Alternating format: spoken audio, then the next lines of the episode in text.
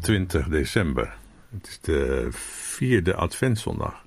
Vandaag een beetje een bijzondere aflevering van de podcast uh, Scheiding van Kerk en Haat. Vanmorgen ben ik in Heeg uh, geweest en ik ben daarvoor gegaan in een dienst. En deze podcast bestaat uit de preek die ik in die dienst heb gehouden. Het is een uh, bijzondere dienst en het gaat over kerst.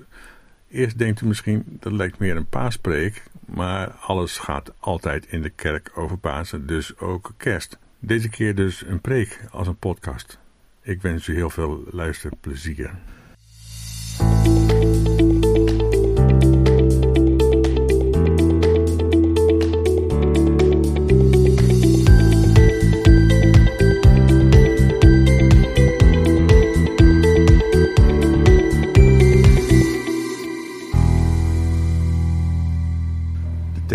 Vanmorgen is Lucas 19, vers 35. Toen ze het dier losmaakten, vroegen de eigenaars hun: Waarom maken jullie het los?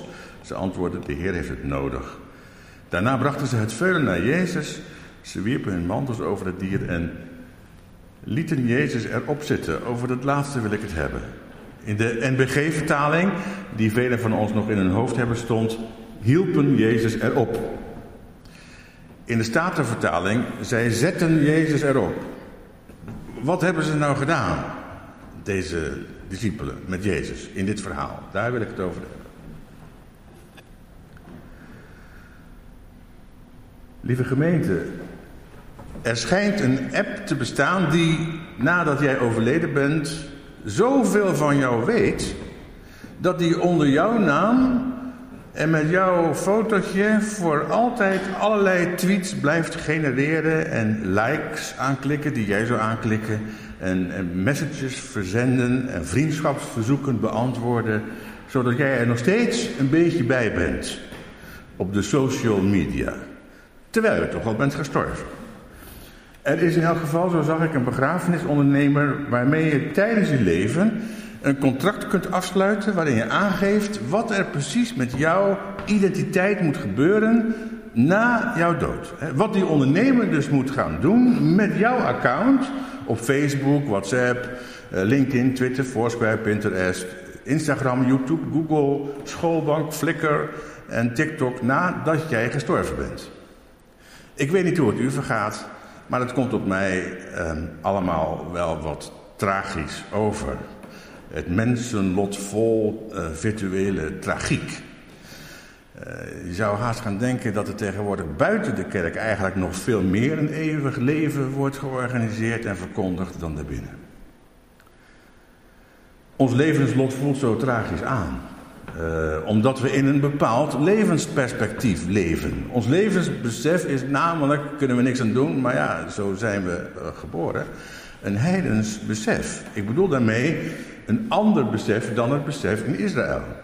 Wij, Westerlingen, wij komen eh, uit de vruchtbaarheid van onze moeder en de potentie van onze vader vandaan. En van de bruisende bronnen van het bestaan dus. En we scharrelen van lieve leeën, met lief en leed, zeg maar, uh, scharrelen we uh, de dood tegemoet. We hebben het leven achter ons en we leven met de dood in ogen.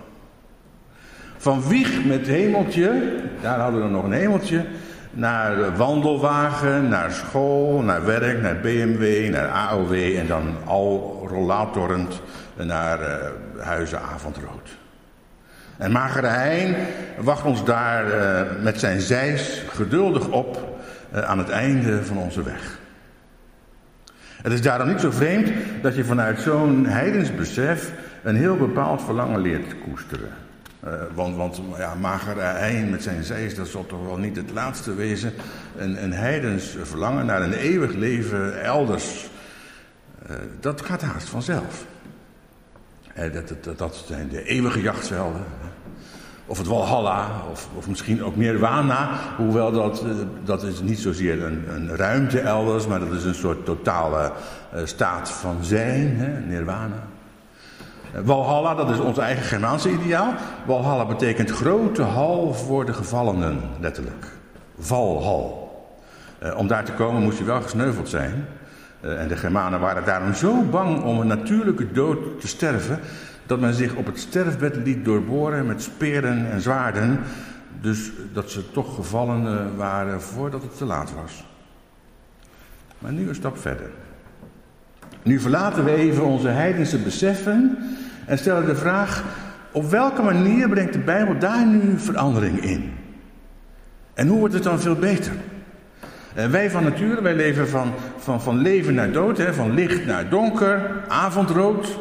Uh, bij ons begint de dag in de morgen als het licht is en eindigt in de avond, in het donker. Van licht naar donker.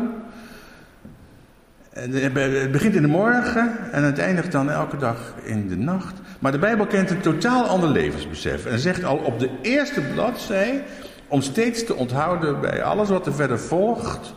Um, het was avond geweest en het was morgen geweest. Een dag. De eerste dag. In de Bijbel is dat dus andersom. Uh, daar leef je van het donker naar het licht. Elke dag weer.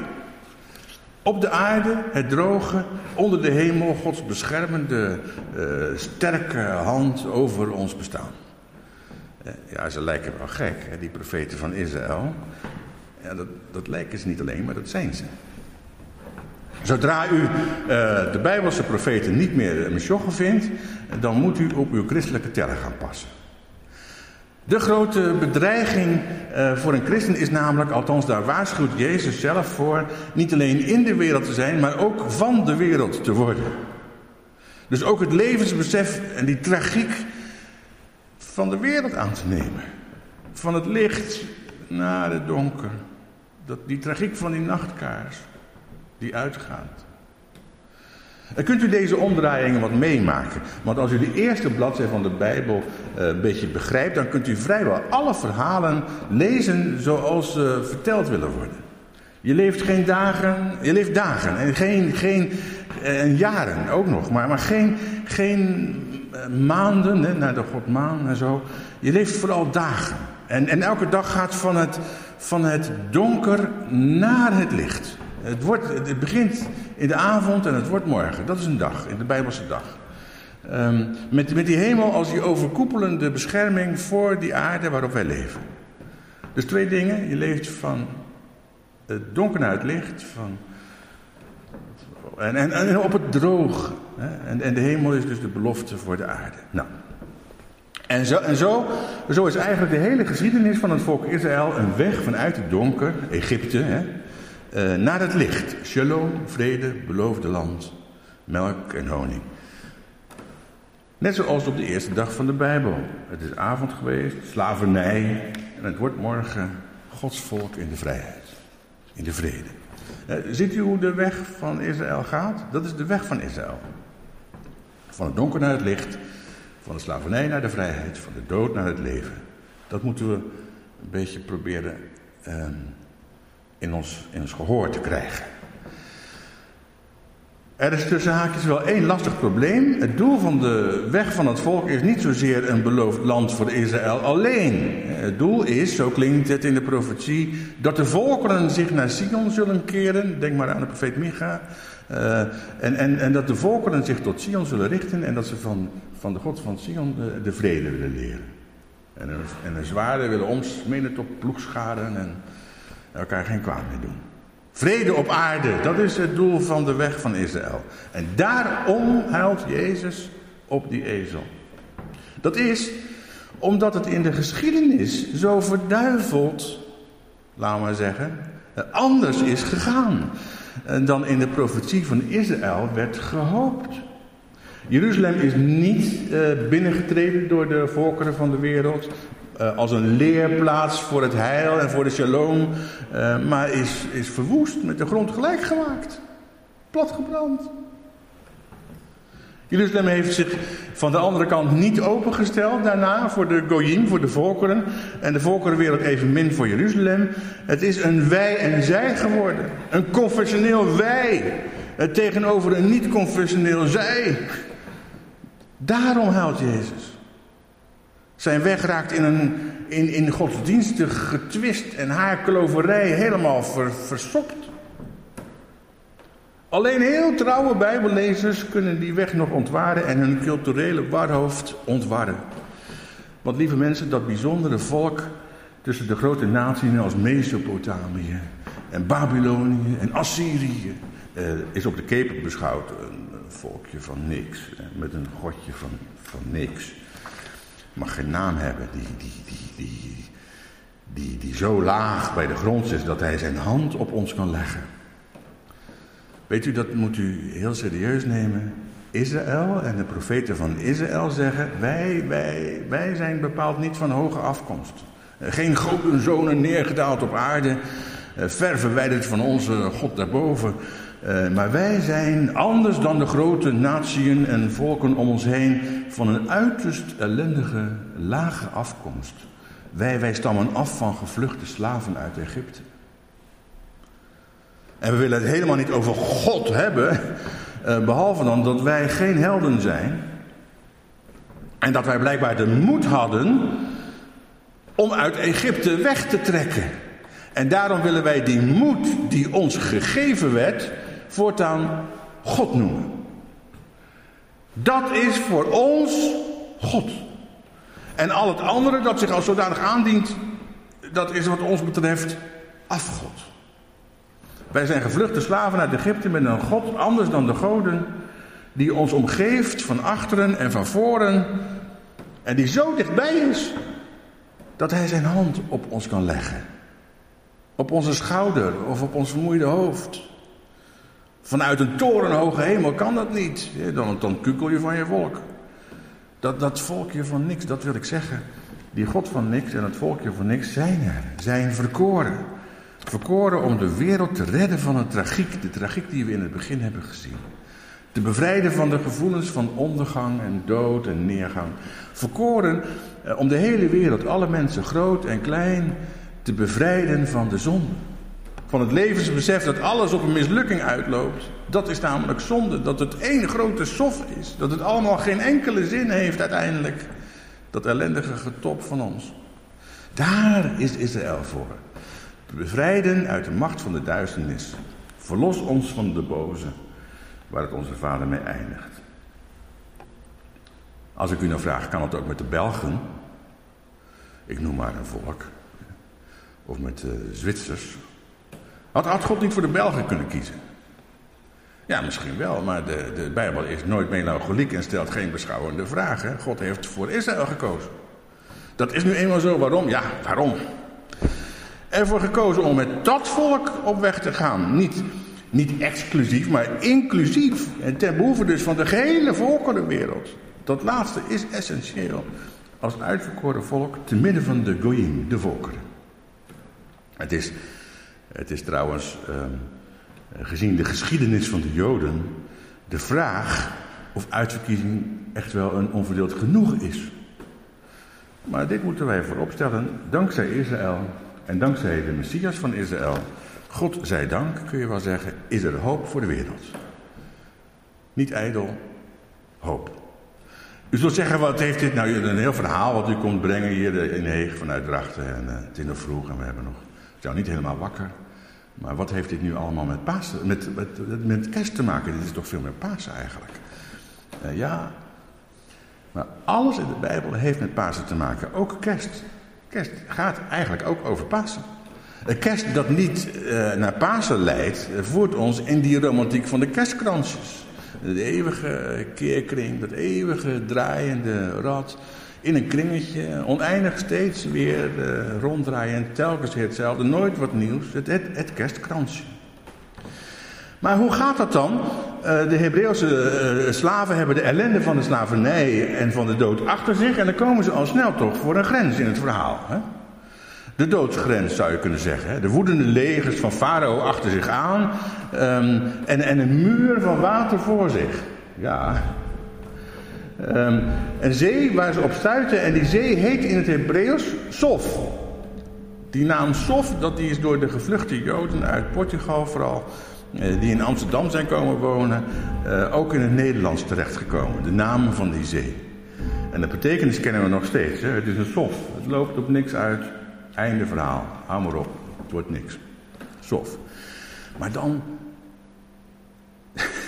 dan blaast God met een bevrijdende zucht En die wateren wijken uiteen. Uh, en midden tussen die muren van wateren uh, ontstaat een doorgang, een doortochtsgat. Door de grens van de dood heen. Door Gods adem, Gods wind ontstaat het droge. Wij leven van de wind, zingen we dan. Het wordt schepping, een nieuwe mogelijkheid, ruimte, bevrijding. En over het droge, door het water heen, bereiken die slaven de overkant. En daar wordt alles anders. Daar hebben ze gedoopt en wel de dood Egypte achter zich. En pas daar, daar maakt God zich bekend. Pas daar, omdat God niks met Egypte te maken wil hebben, had hij zich ook in Egypte eh, bekend kunnen maken? Jawel, maar dan had hij voorgoed aan de farao en de slavernij vastgezeten. Nee, na de doop zegt hij, ik ben de Heer. Ik heb jullie bevrijd uit de ellende. Ik wil graag jullie God zijn, willen jullie mijn volk zijn. En laten we elkaar niet in het ootje nemen. Uh, dus maak van mij geen beeld. Hoe ik zou moeten zijn. Ik ben graag degene die ik ben. Ik blijf graag vrij in mijn doen en laten. En godenbeelden zetten de zaak altijd vast. Uh, en daar ontstaan de meeste ruzie over, over godenbeelden. Uh, uh, hou, hou sabbat. Dat is, je moet, je moet een keer van ophouden weten. Niet, je moet je rust nemen. Niet steeds maar slaven en sloven en tobben. Dat doe ik ook namelijk. Eer je vader en je moeder. Want die weten wat slavernij is hoor. Die hebben dat namelijk aan de lijve ondervonden. En niet elkaar doodmaken. En seksualiteit is heel kwetsbaar, dus beschadig elkaar niet. Uh, maak elkaar niet tot slaaf. Gun je naaste de dingen en de mensen om hem heen die jij ook om je heen hebt. Je moet je naaste liefhebben. Niet uit sympathie voor de underdog, maar omdat je een naaste nodig hebt. Omdat je een naaste nodig hebt. Hou dat vast. Om te begrijpen dat ik, de Heer, jouw God, op jou reken.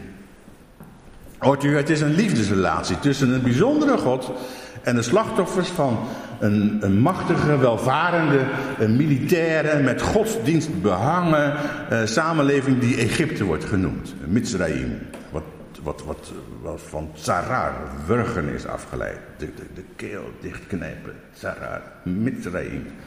Egypte. In het Hebreeuws Mitzrayim betekent wurgland en kan overal zijn dus. Hè. Je kunt het op vele plaatsen, eh, zoals wij zeggen, Spaans benauwd krijgen. Zo'n zo soort woord is het. In het verhaal van de Bijbel, het verhaal van Israël, wordt alles anders. Het hele perspectief draait.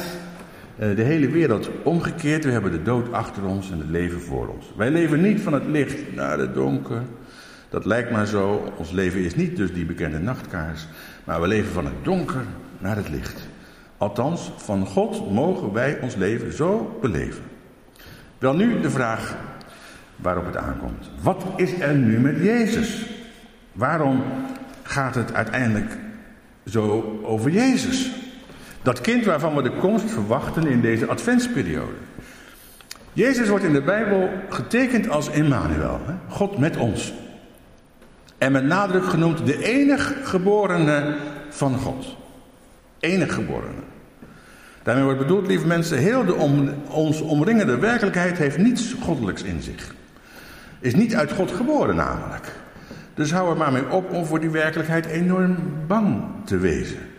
Er is in ons hele leven maar één gestalte regelrecht uit God geboren en dat is de Heer Jezus. Dat is het wat de apostelen willen zeggen. Alleen dit Joodse jongetje, Jezus, is God in ons midden. Al het andere, de kosmos, de natuur, de hoogten en de diepten en de krachten en de machten, uh, alles wat om ons heen raast en blaast en klinkt en stinkt, het is allemaal niet van God. Het is althans niet uit God geboren. En dan laten ze vervolgens zien dat deze Jezus, dat hij in conflict raakt omdat hij het als Jood opneemt voor de mensen zonder onderscheid, dus ook voor de niet-Joden laten ze zien dat Jezus deze weg van Israël gaat. Opnieuw. Of beter gezegd, radicaal. God zelf, die de weg van mensen gaat. Dat is heel bijzonder. En Lucas in dit geval verricht met zijn taal wonderen. En een van die wonderen eh, zal ik u eh, laten zien. Dat is mijn, mijn cadeautje dan aan Heeg vanmorgen. Het wonder in het evangelie van Lucas over Jezus en de weg die hij gaat. De weg van Israël.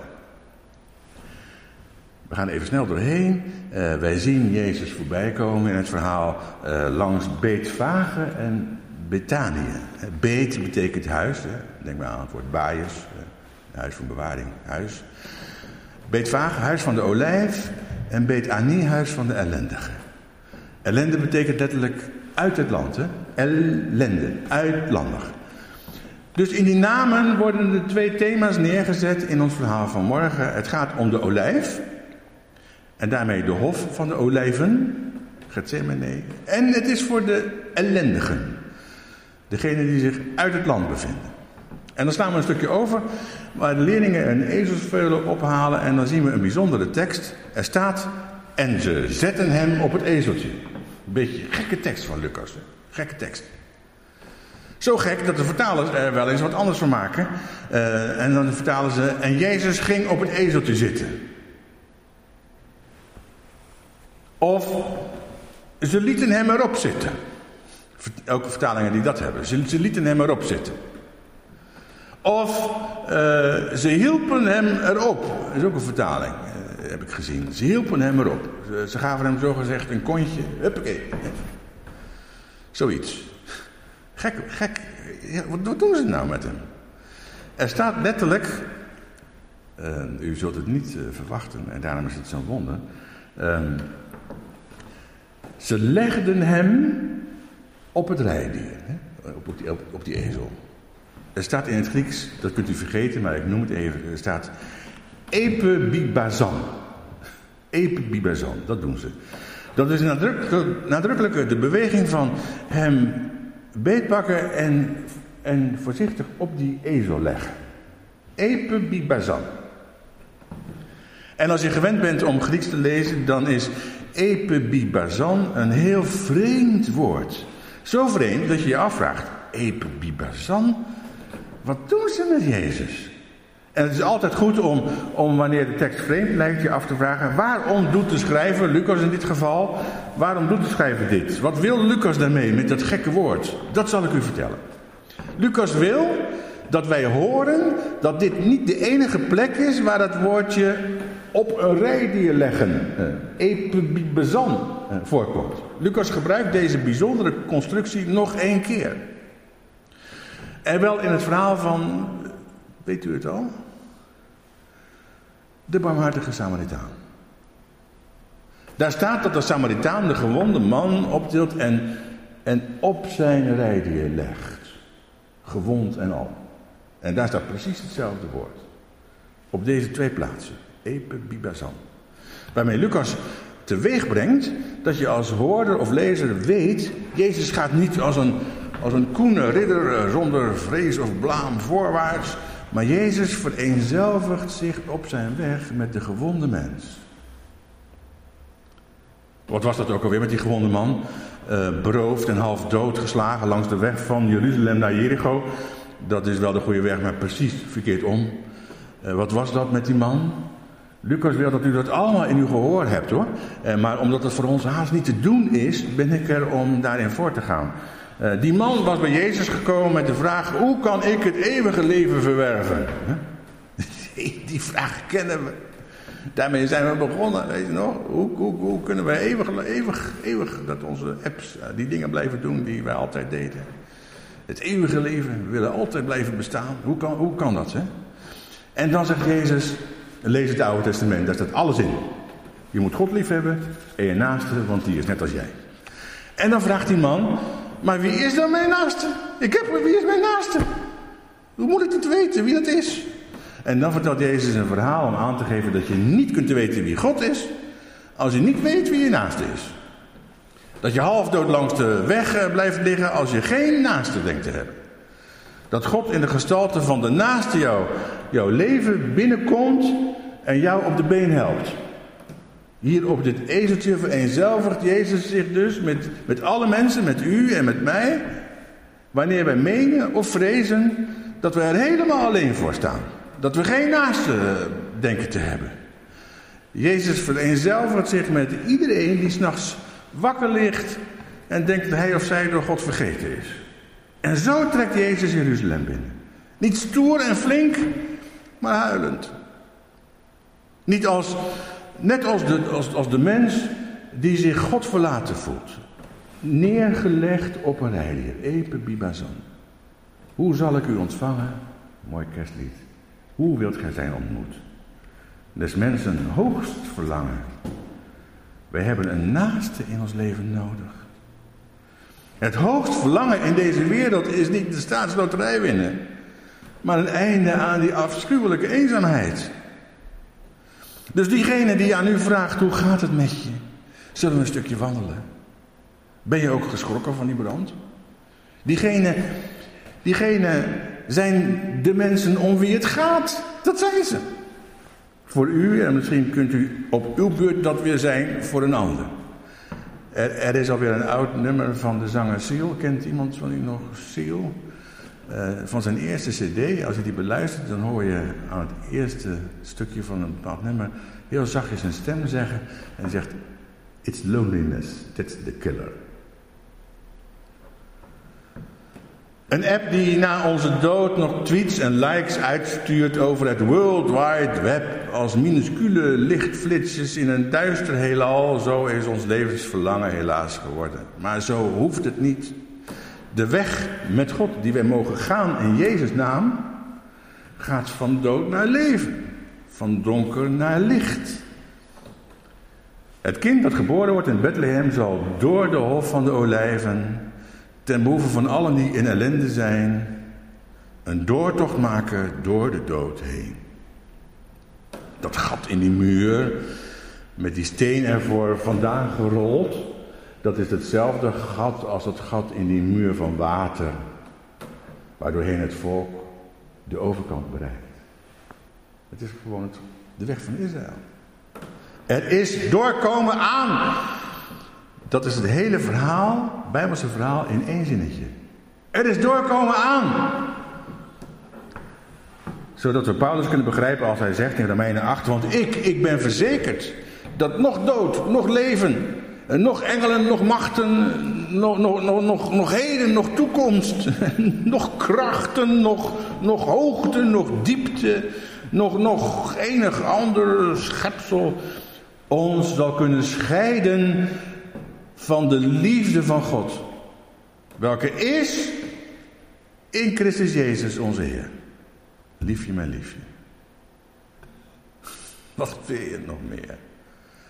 Amen.